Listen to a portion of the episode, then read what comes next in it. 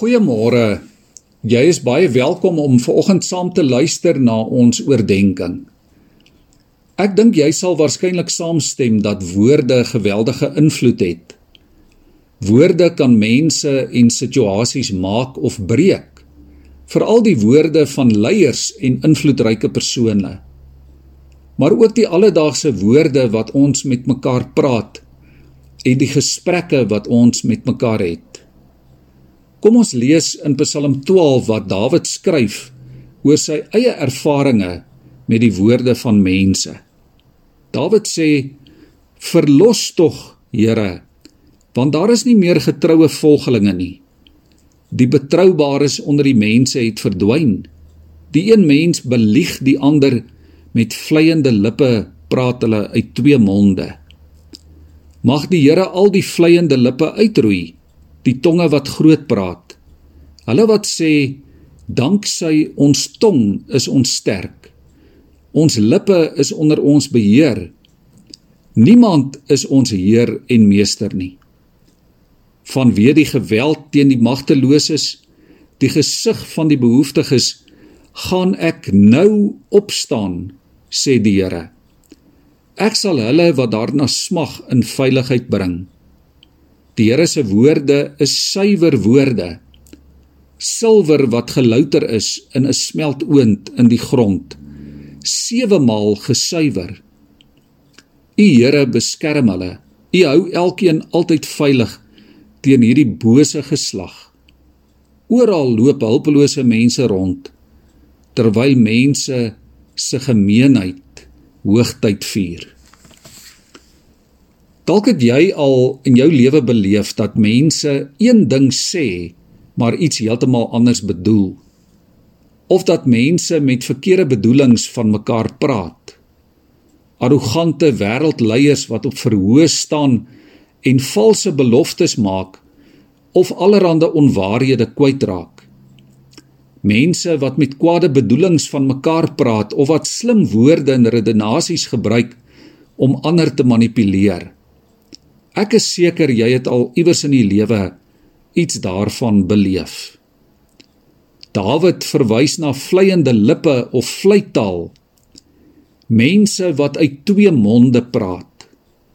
Dalk 'n kollega by die werk wat by die baas kruip met woorde soos daar is darm niemand soos meneer nie. Of iemand wat jou komplimenteer met ai Jy is daarom nog net so pragtig soos altyd. Ons sien dit in politieke verkiesings. Ons sien dit oral waar mense mekaar met woorde probeer sagmaak en probeer beïnvloed. Vleiery is 'n werklikheid in ons samelewing. Jy kan daarmee nogal ver kom. Hoor wat sê Dawid in vers 3 en 4. Hy sê die een mens belieg die ander met vleiende lippe praat hulle uit twee, twee monde. Mag die Here al die vleiende lippe uitroei, die tonge wat kwaad praat. Dis eintlik 'n lelike prentjie wat van die mens geteken word in hierdie Psalm. Hy praat ydel, nuttelose praatjies. Hy is 'n groot prater. Met sy tong bedrieg hy ander mense en versprei hy leuns. Die apostel Jakobus in die Nuwe Testament sê die tong is 'n vuur en 'n wêreld van ongeregtigheid.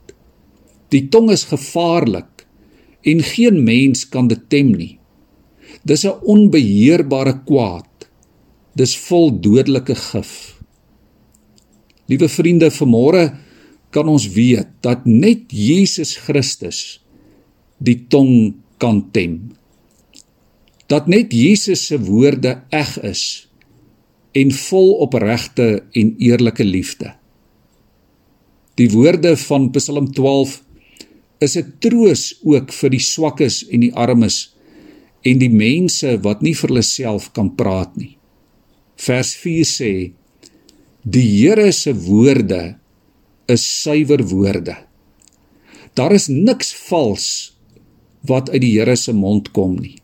Sy woorde is so silwer wat oor en oor in 'n vuur gesuiwer word.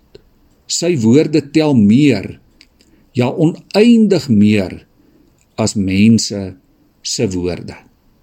Mag ons dit ook in hierdie dag en elke dag van ons lewe onthou. Kom ons buig die hoofde en dan bid ons saam. Here, kom sit vandag 'n wag voor ons mond en voor ons gedagtes. Laat ons woorde praat en gedagtes dink wat u koninkryk dien en u naam eer aandoen. O Heilige Gees, kom beskerm ons teen die valse bedoelinge en die ydelle en vleiende woorde van mense. Laat u woord ons woorde vorm en laat dit tot seën wees in ons wêreld. Amen.